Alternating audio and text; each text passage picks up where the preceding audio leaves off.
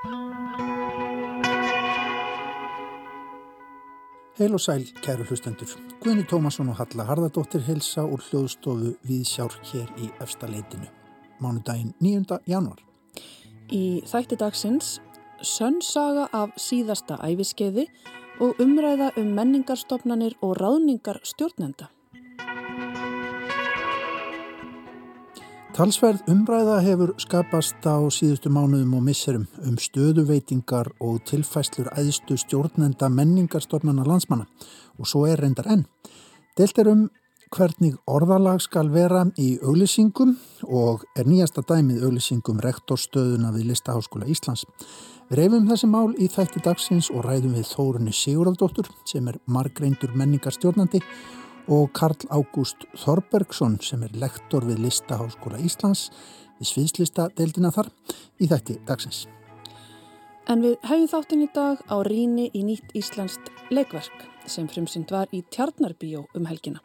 Ég lifi enn Sönn Saga eftir Rebekku A. Ingemundadóttur, Þórei Sigþórsdóttur, Ástísi Skúladóttur og leikópin Blik.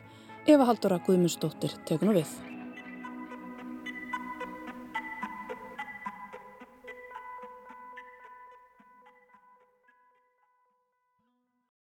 Öldungur vinnur ekki sömstörf og ungir menn, en hann innir af hendi miklu göfugri og mikilvægri verk. Þetta sagði heimsbeikingurinn Cicero um ellina á fyrstu öld fyrir Krist. Æskudirkun samfélags okkar dilst engum en samt verðist fátt hafa breyst í viðhorfum þess gagvart eldra fólki síðan Cicero setti fram hugmyndir sínar um hversu lítilsmetið eldra fólk er í þjóðfélaginu. Við tölum um að setjast í helgan stein eins og ævilokk fremur en að menn dreysi í hlið úr atvinnulífinu til að sinna öðru. Við þjónum ekki lengur tilgangi eftir við hættum að vinna. Hvað tekur við þegar líkaminn fyrir að hörna og ellin blasir við? Er hlutverk okkar einungis að býða eftir döðanum? Ég lifi enn, sönn saga í uppsetningu Blake Production í Tjarnabíói er samsköpunarverk sem tekst á við hugmyndir okkar um ellina og leggur áherslu á upplifin áhoranda. Ekki er um eiginlegan söguþráð að ræða, heldur samsuðu teksta sem segja frá reynslu eldri einstaklinga af ellinni. Sönnum sögum aðstandata þeirra sem þurfa að treysta á kerfið á síðasta aldurskiði sínu og senu vinnuleikópsins með leikstörum. Sögurnar og frásagnirnar eru byggðar á vinnustofum sem haldnar voru með eldriborgurum. Verkið hefst áður en er gengið inn í salin því í forsal tjarnabíós ómar upplestur og hljóðverk og heldur áfram eftir lofaklapp og neyingar. Þegar gengið er inn í salin taka á mót okkur þrjár sýstur, leiknar af Haldur og Rósu Björnsdóttur, Ingi Björgu Gretu Gísladóttur og Þóriðu Sigþórsdóttur. Þær ramma einn verkið sem eins konar sögumenn eða jafnvel örleganortnir sem stjórna frásagt fólksins af eigin lífi. Einni bregða þær sér í hlutverk aðstandenda og jafnvel einstaklinga sem horfa á leikarana tólka eigin framtíð. Personur verksins eru allar nafnlausar en sögur þeirra eins og áður sagði byggðar á sönnum sögum. Það er Anna Kristín Artgrímsdóttir, Helga Elinborg Jónsdóttir og Ástí Skúladóttir bregða sér einning í hlutverk þryggja kvenna og tólka sögur þeirra og frásagnir. Þeir Árni Pétur Guðjónsson, Sæmi Rokk Pálsson og Jón Hjartason tólka svo upplöfunir þryggja manna. Breðfyrðingakórin undir stjórn Gísla Magna Sigriðarssonar er í hlutverki eldra fólks og tólka skoðanir og hreyfingar þeirra á samt því hvað þau gera sér til dærastýtingar. Í salnum blasir við manni berstrýpað leikúsið. Leikmyndahönnun Rebekku A. Ingimundadóttur sem er jafnframt annar leikstjóri verksins gefur til kynna að ætlunin sé að skapa rými sem er kallt, óþægilegt og jafnvel úreld. Búið er að fjarlæga eða færa til drapperingar svo sjá má ljósa og tækjabúnað klifra upp vegg í sviðsins eins og vínvið. Brotnir skjáir, snúrur og tæknibúrið er allt sínilegt áhórandanum. Borð, stólar og stíi er úr stáli til að íta undir kuldatilfinninguna. Lýsing Juliette Lúst blandar saman stopnarnalegri flóðlýsingu og kaldri kvítri lýsingu sem stundum er nýtt á skemmtilegan hátt til að afmarka svæðið á sviðinu. Búningar höldu drafnar alladóttur rýmar vel við tilgangleikmyndar og lýsingar verksins. Kórin er í svörtum fötum en þau sem er í lit eru personur verksins.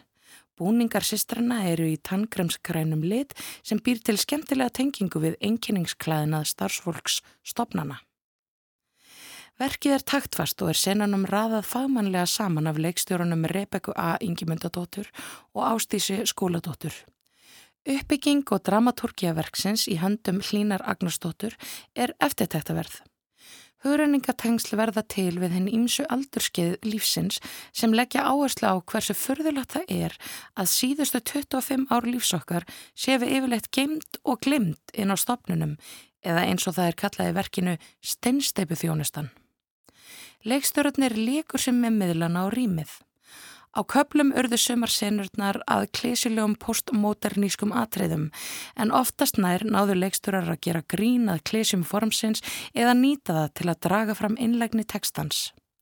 Þær byggu til einstaklega fallegar myndir á sviðinu sem gerðu verkið að marg þættri upplifun.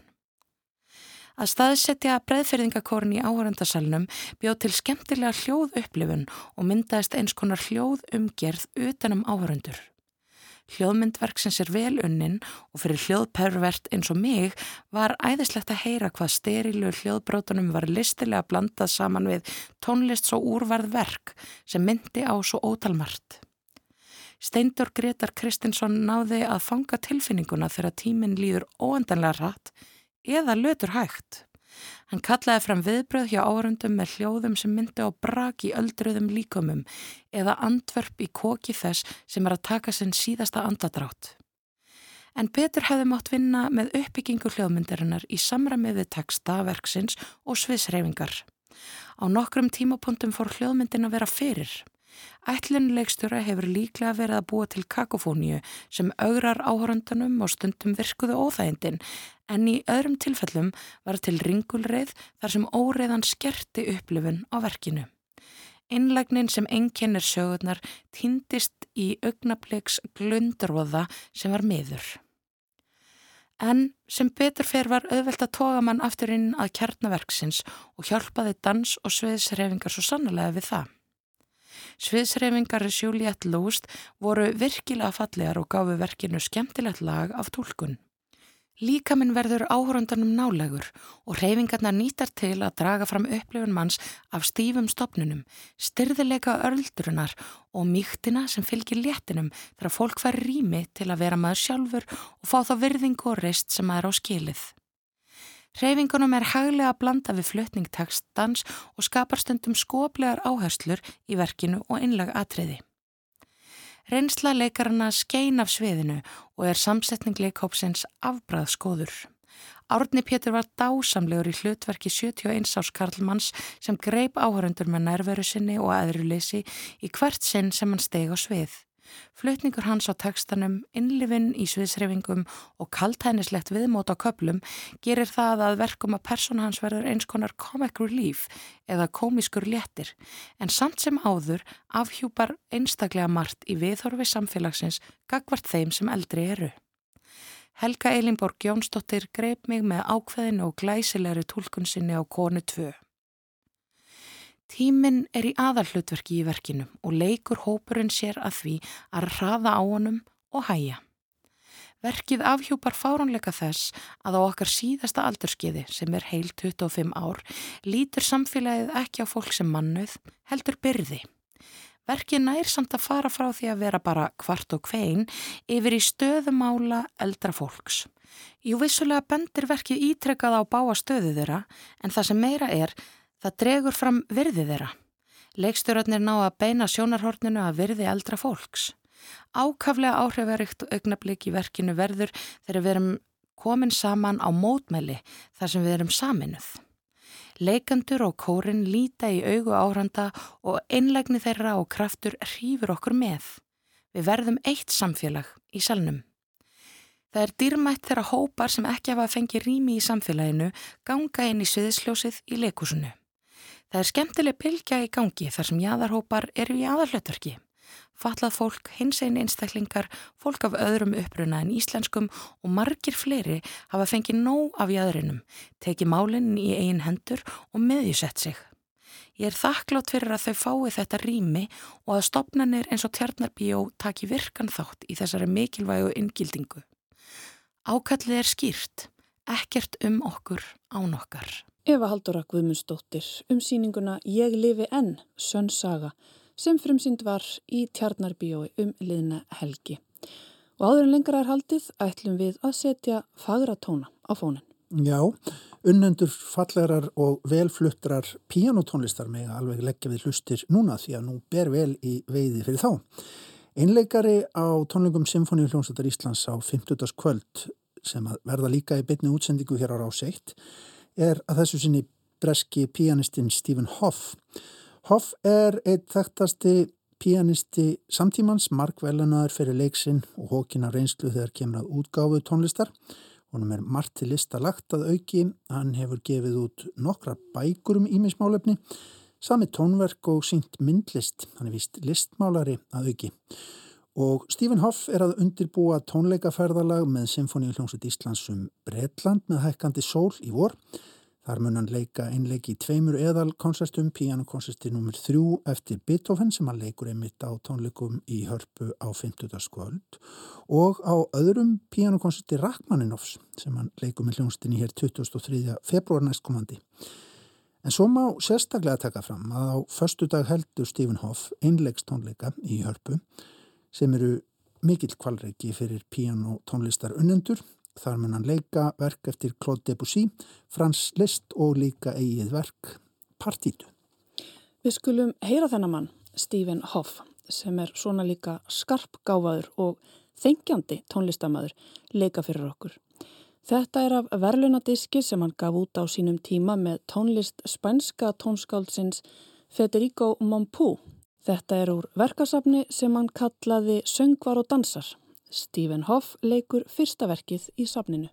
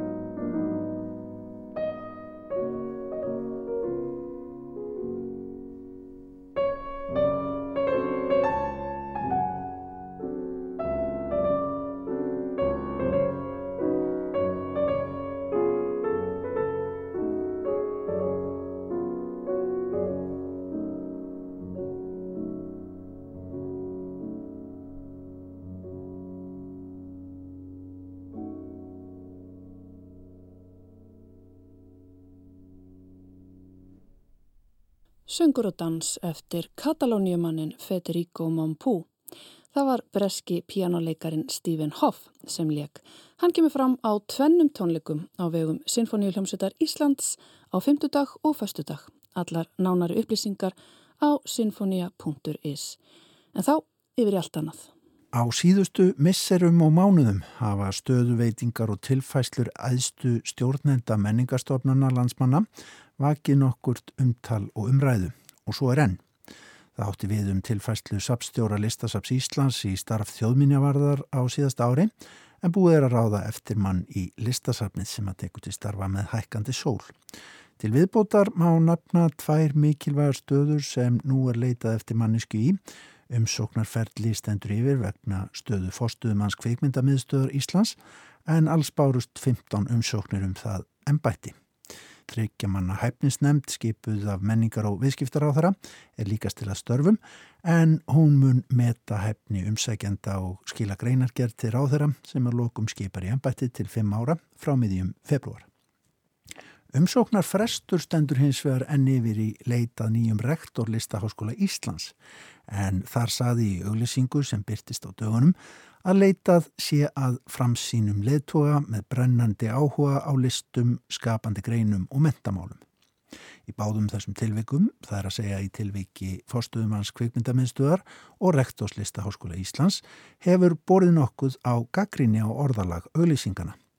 Hvað fórstuðumann kveikmyndamiðstöðar varðar hefur Marja Solrún Sigurðardóttir leikstjóri til dæmis bent á í greini kjarnanum að þó menningar og viðskiptaráðanæti hafi vissulega gert kröfu um að viðkomandi hefði þekkingu á kvikmyndum og sjónasefni, hafi hins vegar stungið í stúf að þess var ekki sérstaklega getið að viðkomandi þyrst að hafa staðgóða þekkingu á málefnum ljósvakamiðla sem og helstu ströymum og stefnum í aftreyingar efni.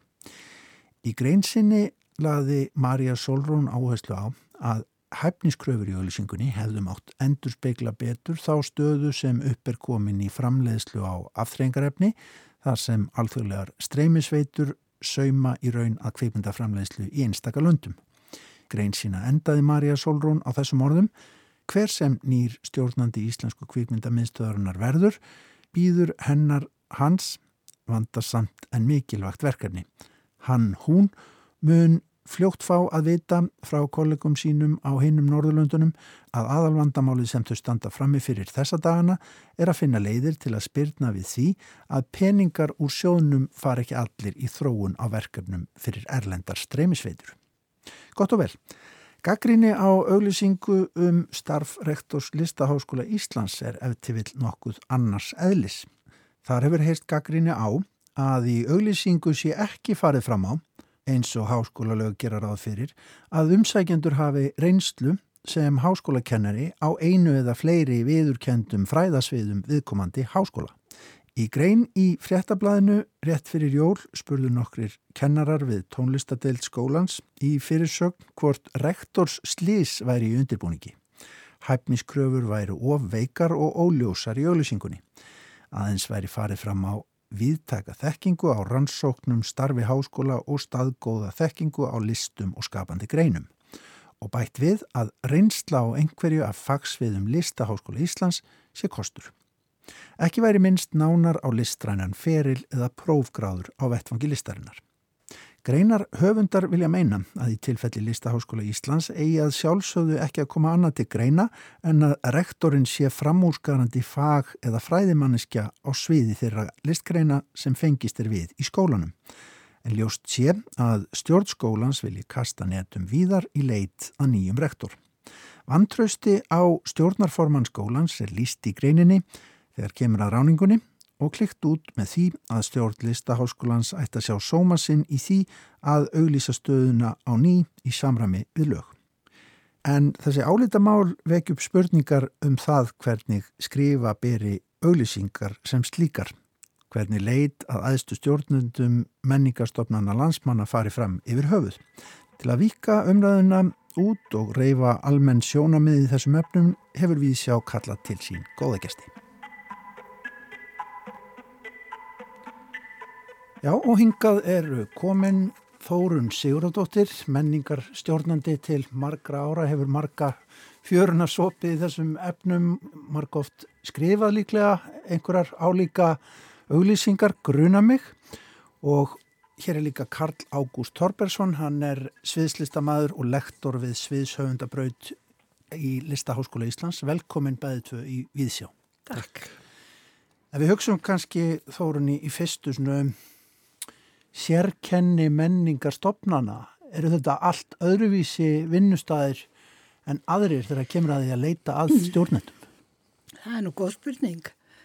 Já, þetta er talsvert ólíkt og við hefum þetta margóft komist að raunum það að þegar er verið að gera svona auglýsingar og þá leita menn gætnan til svona ráðgjafa stofa eða einhvers konar þeirra aðila sem að hjálpa fólki við að velja réttu stjórnenduna mm -hmm. að þar til dæmis er óvíða að finna fólk sem að hefur sérþekkingu akkurat á þessu Já. og þó að menn haldi að að listir séu nú bara svona eins og, eins og hver annar starfsvettvangur, þá er það nú ekki alveg þannig. Nei. Það er afskaplega erfitt fyrir fólk að fóta sig í listum sem ekki hefur þekkingu á þeim mm -hmm. Og það er engum greiði gerður með því að, að setja hann í þá stöðu. Þannig að þetta er að mörguleiti mjög sérhæft og það er mikill vandi að, að velja fólk og ég tala um í okkar fámenni og, og þess vegna verður, verða gætnan deilur þegar að auðlýsingar koma fram. Svo eru náttúrulega þessar stopnarnir alls ekki eins, ég menna maður getur dæmis að því við nefnum bara þarna í þessum engangi, dæmin eru auðvitað fleiri vegna þess að þetta bara kemur oft og yðurlega upp þegar kemur að því að ráða stjórnundur í menningar stopnarnir landsmanna að þá er þá eru, hvað maður segja, þarfinnar mjög mismöndi, tölum til dæmis um kvikmyndasjóð þá er það mikið fjárstreimi þar í gegn, það er nánast eins og fjárstýring í, í, í bara sjóð, sjóði sem er að stórum hluta í höndum þessa aðila. Og svo til dæmis ef við tölum um þinn vinnust að Karl Ágústa þá, þá er þetta víða spektrum listaháskóla Íslands þar sem alla listinnar er undir nema kannski kvikundalistin er endar.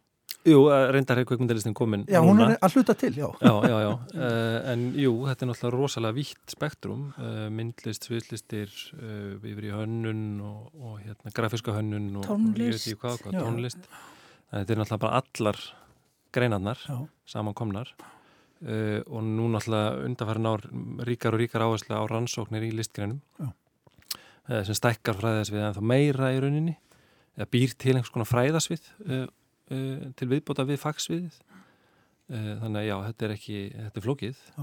Svo eru þetta líka sko, listgreinarnar eru mjög ólíkar þó að það sé verið alltaf að bæta svona aðgengi á millið þeirra og, og tengja þeir meira og meira saman mm.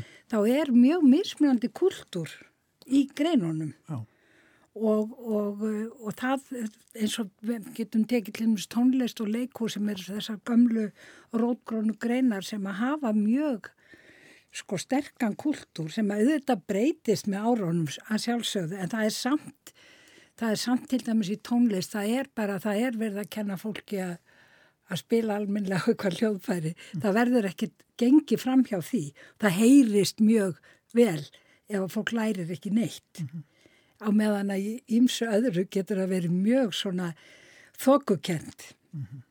Þannig að þetta er, þetta er bísna flókið. Já.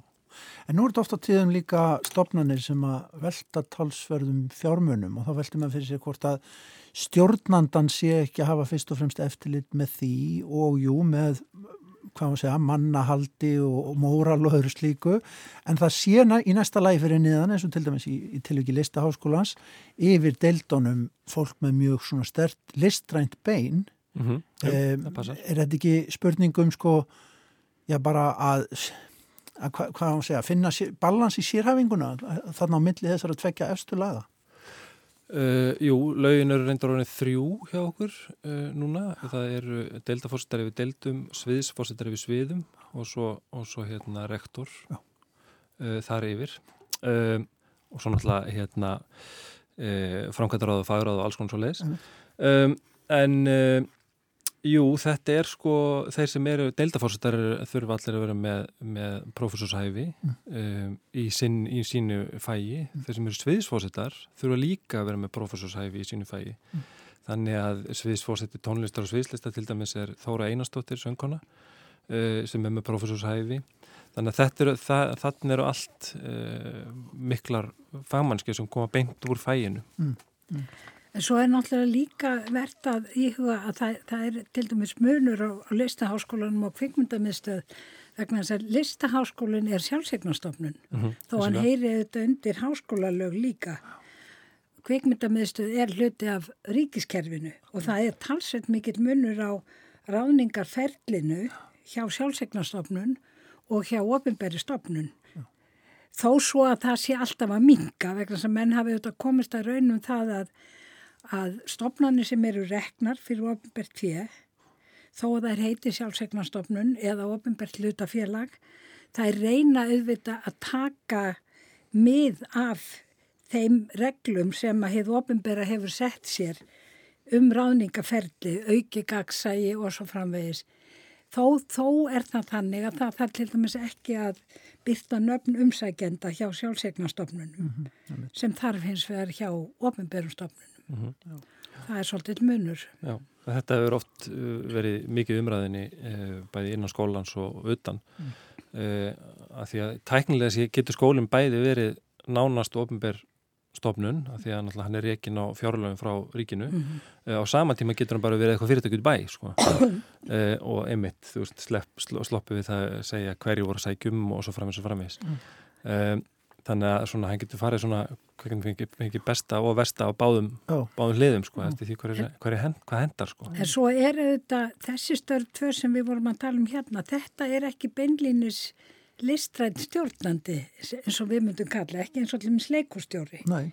Þannig að þetta er svolítið, þetta er svolítið, svolítið önnu störf, mm -hmm. en það er samt sem áður þannig að þetta er æðsti yfirmaður aðstu stopnunar á sínu sviði mm -hmm. óumdeilanlega. Já, í báðum tilveikum. Í báðum tilveikum. Og þess vegna er ekki hægt að komast af með neina afslætti mm -hmm. í kröfum. Meini, og eins og segir í, í engangi þessi lögum háskóla, þau hveða bara mjög skýrt á um það að, að rektor háskóla, í þessu tilfelli listaháskólas, eigi að vera eh, koma af fagsviðum skólans. Mm -hmm. Eh, þannig að það er fyrst ef einhverju ráðin sem er ekki hluti af þeim fagsviðum þá fer það bara einfallega á móti lögum um háskóla mm, Það hefur verið bent í það til, í þessar grein til dæmis sem við hefum bent á það að, að, hérna, að þannig séð í hátta til dæmis með Háskóla Íslands þeim hafi á þar á bæ farnast ágætlega að velja fólk af mismunandi fræðasviðum mm -hmm. hvert á eftir öðru mm -hmm. sem eru, eru praktiserandi þar á, þar á.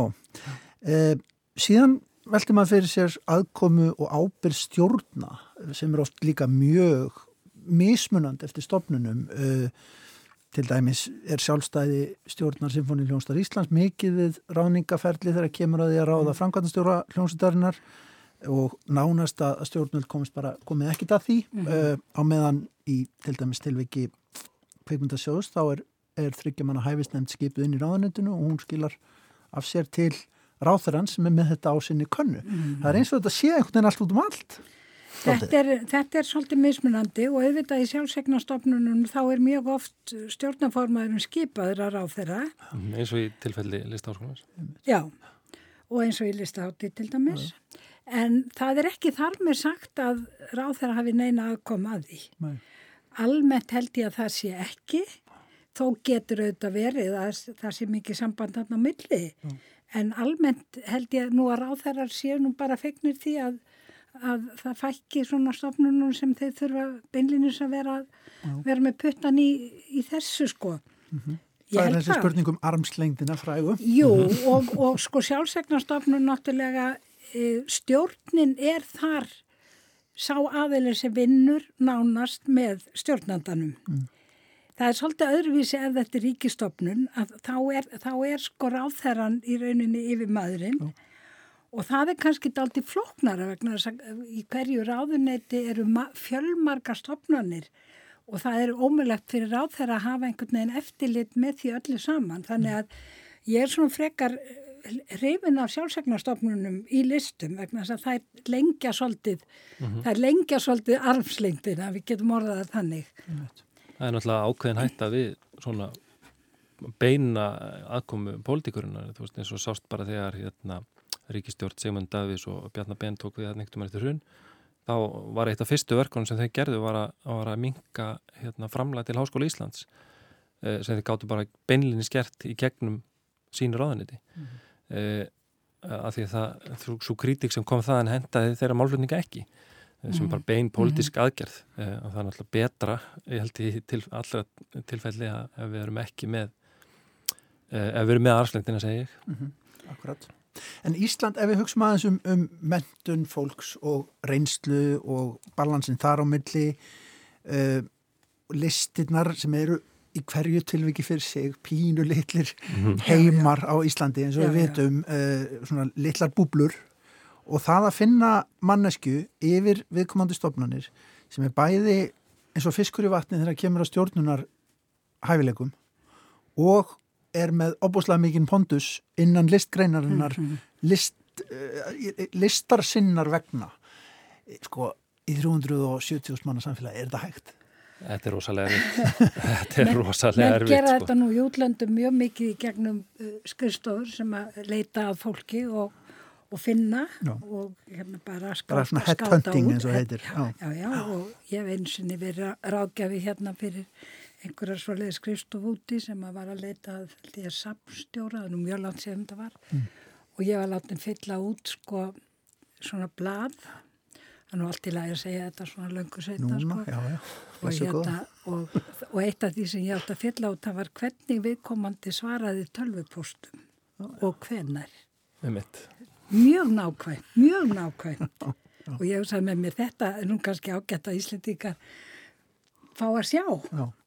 Menn er svona oft kærilösir. Sko. En einmitt þórun sko af því að þú hefur líka tekið eins og við komum inn á aðan tekið þátt í að skrifa svona auglisingu. Mm það er verið að reyna að stakka púljuna. Þú vilt hafa nokkuð, nokkuð mörg sífi í bunkanum er það ekki þegar þú ferðast að þú vilt ekki hafa oflítinn hóp. Já, ég veit það ekki. Ég er nú ekki alveg vissum að það sé endil. Ekki of mörg en ok. Sko, Já. þú vilt náttúrulega fyrst og fremst vita hvað þetta starf er. Já. Þú eru að vita nákvæmlega hvert er þetta starf og að hverju ert að leita og þú ert ekki að gefa helst ekki miklu afslætti auðlýsingu.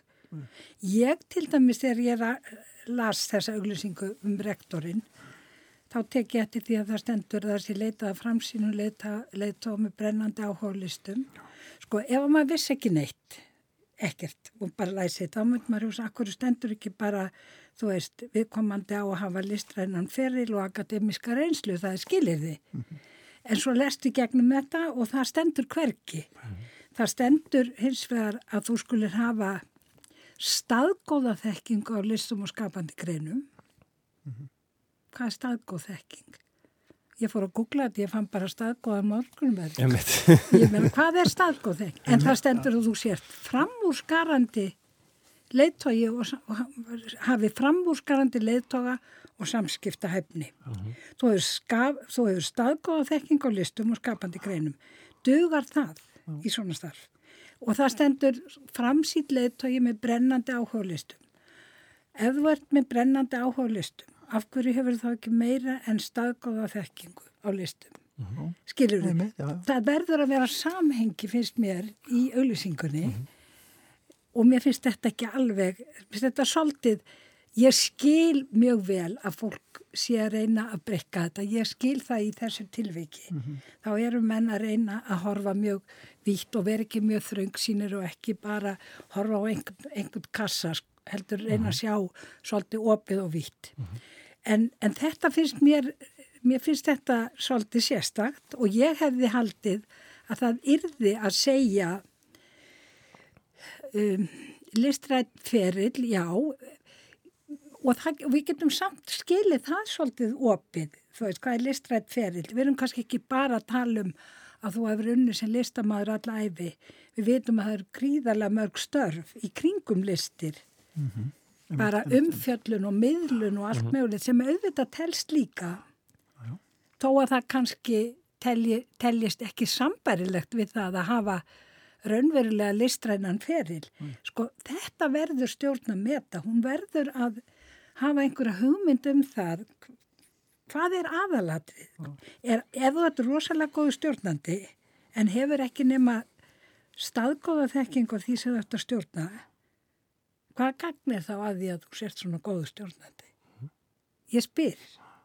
Akkurat. Þetta lítur að vera sko, eh, stjórnaformaður listháskólan sem hefur komið í fréttum í viðtölum og sagt að sjálfsögðu verið farið eftir háskólulegum uh, sem segja að þú, manneskjan verði að koma faks við uh, listana mm -hmm. uh, þannig að þau sem stjórnin, stjórnin sem er ekki búið til þessu ölsíku þá er hún fullkomlega meðvituð um þessi lög mm. og ætla sér að fara eftir þeim en tekur að einhver, einhver hluta vegna ákvörunum það að setja ekki inn í ölsíku og það er auðvitað meðvitað og það er öruglega til þessa að stækka púlíuna en þá spyrir maður sér akkur eru það að reyna að stækka púlíuna þegar þið vitið að verða mingana þau vitalegu þurfa að fara eftir lögum sko. en þetta er samt aðdeklisvert sko vegna sem ég sé í auðlýsingar um kveikmyndamöðs þá er þetta orðalag mjög svipað já, já. og ég hugsa með mér já þetta er, nú eru einhverjar auðlýsingarstofur komnar í þetta og eru að hjálpa fólki við að búa þetta til eða ráðgjafastofur og það er eitthvað svona, þar stendur líka sko að Það er leiktað einstaklingi sem hafði við leiðt og hæfileika og framsýtni hugsun og allt þetta og þar skulle vera staðgöð þekking á kvikmynda og sjónvarsmálum. Það gott. Já, morgumaturinn. En framúrskarandi samskipta og leiðt og hæfni. Það er náttúrulega einhver, þú veist, það er náttúrulega síðustu ár, kannski einhver tvo árti verið að byggjast upp þessi ofur trú á þessum leðtoga ég veit það. Já þetta eru tískur líka jú, jú, jú. það var náttúrulega bara tímbel hérna það sem, það sem hérna, tveir þjóðlíkustjóru og einn borgarlíkustjóru voru allir með MBA-graður eh, og þá lóksins að maður skrifa einhver grein um, um hverju fólki sem er ekki með MBA-graður má það ekki stýra þessum stofnunum? Þá var einhvern veginn eitthvað gert í því? En núna er yfirleitt þessi fyrsta, fyrsta þessi fyrsti punktur yfirleitt bara háskólamentur sem nýtist í starfi. Já. og svo er einhvern veginn koma þessi svona pínu loðnu já. atriði varðandi reynslu innan sviðsins eða eða, mm -hmm. já, eða einmitt sko allt þetta staðgóða skiljið og reyna orðspori það er líka líka Ég hló upp átt sko. Já, byrja, það, það var í, í auðlýsingu um, um rektor. Sko, mér finnst þetta hreitt orðspor, ég, ég brosti svolítið. Ég veit, sko, ég veit að þetta er velhugsað. Ég veit að það verður hugsum að ekki láta þetta í huga að þú hefur hérna verið komin á kafi í mítú eða eitthvað, einhver slík mál mm -hmm. eða verðt með einhverja ásakanir á þeir eða eitthvað slíkt og því er ekkert að sækja um þetta.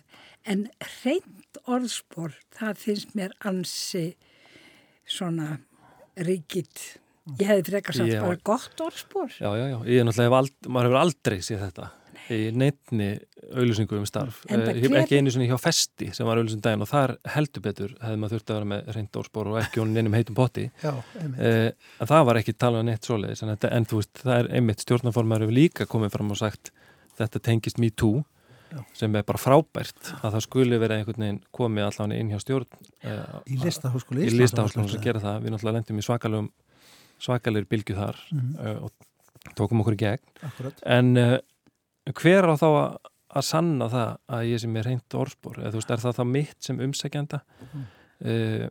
Það, Nei, það er náttúrulega í rauninni þannig að þeir sem að, stjórnir sem að gera svona og við getum auðvitað að setja hérna og og svona tætt þetta svolítið í sundurinn auðvitað veit ég að þeir sem að hafa setið og gert þetta hafa gert þetta að bestur samvisku Algjörlega. og til dæmis í listaháskólum þá er það þannig að stjórnin er situr með rektor uh -huh. og það er engin milliliður í rauninni þannig séð það, það, það kemur mjög illa út fyrir stjórn ef að þessi ráning mistekst þannig að þau hafa auðvitað reynd allt sitt besta. Mm -hmm. en sko ég, og auðvitað er það þannig að orðspór skiptir gríðarlega miklu máli. Og það er ekki bara það að fólk leggir fram meðmælenda lista. Ég held að allir sem er að ráða hér á Íslandi þeir, ef þeir þekk ekki virkilega vel bara hópin sem að er í bóði að þá, þá afla menn sér upplýsinga. Já hjá fyrverandi vinnuveitendum og svo framvegis bara í trúnaði og það verða, verða umsækjendur að átta sig á. Það er ekki bara vinnirni sem þeir setja á listan sem er tala við. Mm -hmm. Ef, sko þitt orðspor, það fer ekkit frá þér. Meni. Ég tala nú ekki um í svona litlu samfélagi. Svo er þetta að googla alla. Og svo er þetta að googla alla, já, en sko Google dögar bara ekki þessu. Nei, nei. Google dögar ekki þessu og þá þýðir ekki bara hugsa um sko þú, þú ert ekki endilega að leikta að einhverjum pissidúkun sem aldrei hafa lendi neinu. Nei, og aldrei hafa tekið neina áhættu af neinu tægi mm. og það, það, þá kemur þessi domgrind, þú ert að leita af fólki sem að hefur góða domgrind mm. á því sviði sem starfið er. Mm. og það sko, og þá ertu heldur ekki að leita að byrjandu, þú ert ekki að leita fólki bara sem að kemur með fínustu prófinn heldur, þú ferð ekki svona störn til að æfa þig. Nei, þetta er meira átt að blanda sem að það var að finna. Þú verður bara að mhm. vera búinn að æfa þig. Þetta er bara eins og að standa á tástgóm á sviðinni í þjóðleikursun og halda og þú getur bara, þú veist, að þú ert með svo góða ristar og svo fína músík og þú heldur og getur bara að dansa þig við sviðir. Þú getur það ekki. Einmitt, einmitt. Þetta er ekki öðvöldverk, en kannski að lokum bara af hverju haldið þetta sé komist alltaf svona daldið í hámæli með, með menningarstofnunir að, að, að hérna, ég veit að við erum kannski föstinni og í okkar bara litla heita potti þannig séð í menningarinnar en, en alltaf skalða einhvern veginn þegar þessar stöður, örfá stöður eru auglistar þá, þá, þá er alltaf tekist alveg mikið á um þetta. Já, það getur sko, það gæti náttúrulega haft eitthvað að gera það að, sko listirnar okkur á Íslandi sem fag og fræðasvið eru rosalega ungar. E, minna sko það var að byrja að kenna leikusfræði og dramaturgi á sko átjóndjöld í Þískalandi mm -hmm. og búið að gera síðan uh, við erum ekki eins og komið með leikursóðubröð uh, eh, neinstadar í neinum háskóla í Íslandi mm. þannig að þú veist um, Þetta er allt ungt Já, þetta er svolítið ungt uh, þú veist, leikarar sem eru með meistaragráðu sem teljast á hæfir til að taka gegna stöðu minna listháskólanins eru bara teljandi, ég þurfti ekki að tala það allaveg upp sko. þau eru bara teljandi á fingurum annar handa sko. þannig að það er erfitt fyrir okkur að fylgja kannski sterkum og skýrum akademískum kröfum að því við erum rosalega ung uh, sem, sem grein og misungar þú veist uh, mm. hérna það er miklu, miklu meiri hefð fyrir því myndlist að fara erlendis og sækja til mestrakráðu eða fara í þetta fimm ára gamla diplomanna sem var í, Þísk, nei, í hérna, Európu mm. Þískalandi til dæmis um, hérna, þannig að það er miklu meiri hefð þar fyrir æðri mentun Eh, hjá leikarum til dæmis er þetta er ekki mikil hefð að dansurum ekki mikil mm meiri hjá okkur sviðsöfundunum eh, af því að okkar náum bara þess eðlis þannig að þegar við erum að leita til dæmis af einhverjum sem er með profesorshæfi segjum svo svo að ef rektor þarf að vera með profesorshæfi þá bara þekki ég alla sem komið til greina skilur við, við getum bara ringt í þá mm -hmm. uh, með alltaf í símanum bara. með bara alltaf í símanum sko. uh, og flestir þeirra eru bara í öðrum stöðum í hérna leikursónum eða söpnónum eða eitthvað, skilur við? Ég held líka að það sé skiljanlegt að það sé svolítið tekist á um þetta. Þetta eru valdamikla stöður, mm -hmm. þær eru, þær eru fáar, fáar mm. og einn einstaklingur getur skipt mjög miklu máli og ef að þú fær mannesku sem er ekki hæf, mm. stendur ekki undir því listrænt, er ekki sangjörn leifir sér ekki leifir, sko í dag er þetta þannig að það er ekki lengur umbyrðar, það er ekki bara og það er líka, það er ekki lengur umbyrðarlindi með svona ábeldis stjórnun eins og hefur því miður stundum viðgengist í listum.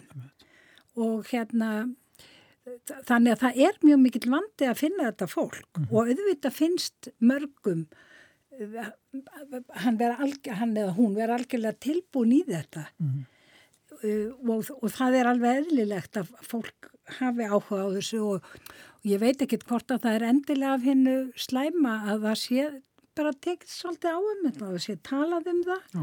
sé umræða Okkur er ekki sama þá meðan um stofnum en, en það verður líka munna það að, að sko það að vera góðu leiðtói sem er mjög mikið talað um nú orðið alltaf það er líka háð ákveðnu umhverfi mm -hmm. góður leittói sko hann blómstrar ekki nema til dæmis með stjórn sem vinnur vel með honum ekki of afskiptasöm ekki algjörlega afskipta laus sko, þannig að, að góður leiðtógi er hluti af svo stóru batteríi.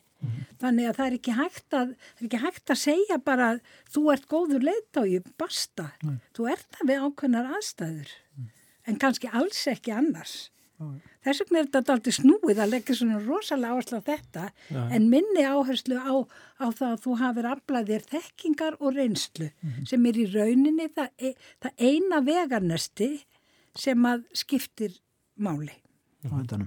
Mér finnst það. Já, já, svo er náttúrulega líka, það er náttúrulega líka pólitík í þessu. Veist, það er bara bein pólitík í, í kvikmyndamiðstöð uh, og það er óbein pólitík í, í listaháskólanum. Mm. Um, það er bein pólitík í þjóðlurúkusvæði uh, hérna og, og hérna heiðuslögin listamanna eru bara bein pólitísk ákvörðun mm -hmm. uh, þannig að sko í kvikmyndamiðstöldum gæti ráþæran tekið ákvörðun sem hefur bara sem fyrir algjörlega mótið því sem hæfisnöndin segir. Mm -hmm. það er ekkert sem banna það, það er bara fullkomlega eðlilegt með það kerfi sem við höfum. Uh, þannig að það gæti líka verið sko, ákveðin heitt Já, þar er auðvitað, kvikmyndamiðstöðun er sérstaklega þýleiti að þar er náttúrulega að vera útdeila gríðarlega miklu fjár, fjármagni. Mm -hmm. að vísu er fórstöðum manniskan ekki einn að því. Hún er ekki með sama valdi eins og til dæmis þjólkustjóri mm -hmm.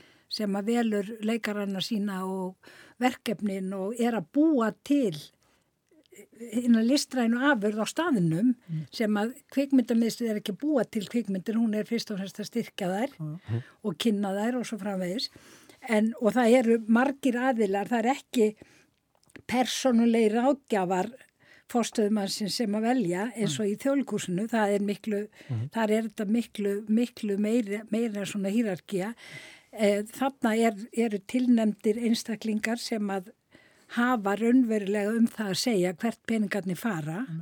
eða þannig á það að vera eins og ég mhm. skilða mm. en það breytir því ekki að fórstöðumadurinn er yfir maður yfir allir starfseminni þannig ef að starfsemin er á einhvern hátt ógegsæ uh, það er klagað undan enni það er ekki farið að lögum og svo framvegis þá, þá er það, þá verður fórstöðumadurinn hafa pondus til þess að að segja sínu fólki til mm -hmm. og sjá til þess að, að svoleiðis vinnubröð viðgangist ekki vegna að þetta, þarna eru sko einhver smápeningar nei, nei. sem er verið að velta. Akkurat. En já, við sko botnum þetta ekki hér í dag. Eh, það er nóg að ræða og áhugavert að fylgjast með þessari umræðu. Eh, við skulum segja þetta gott eh, í dag.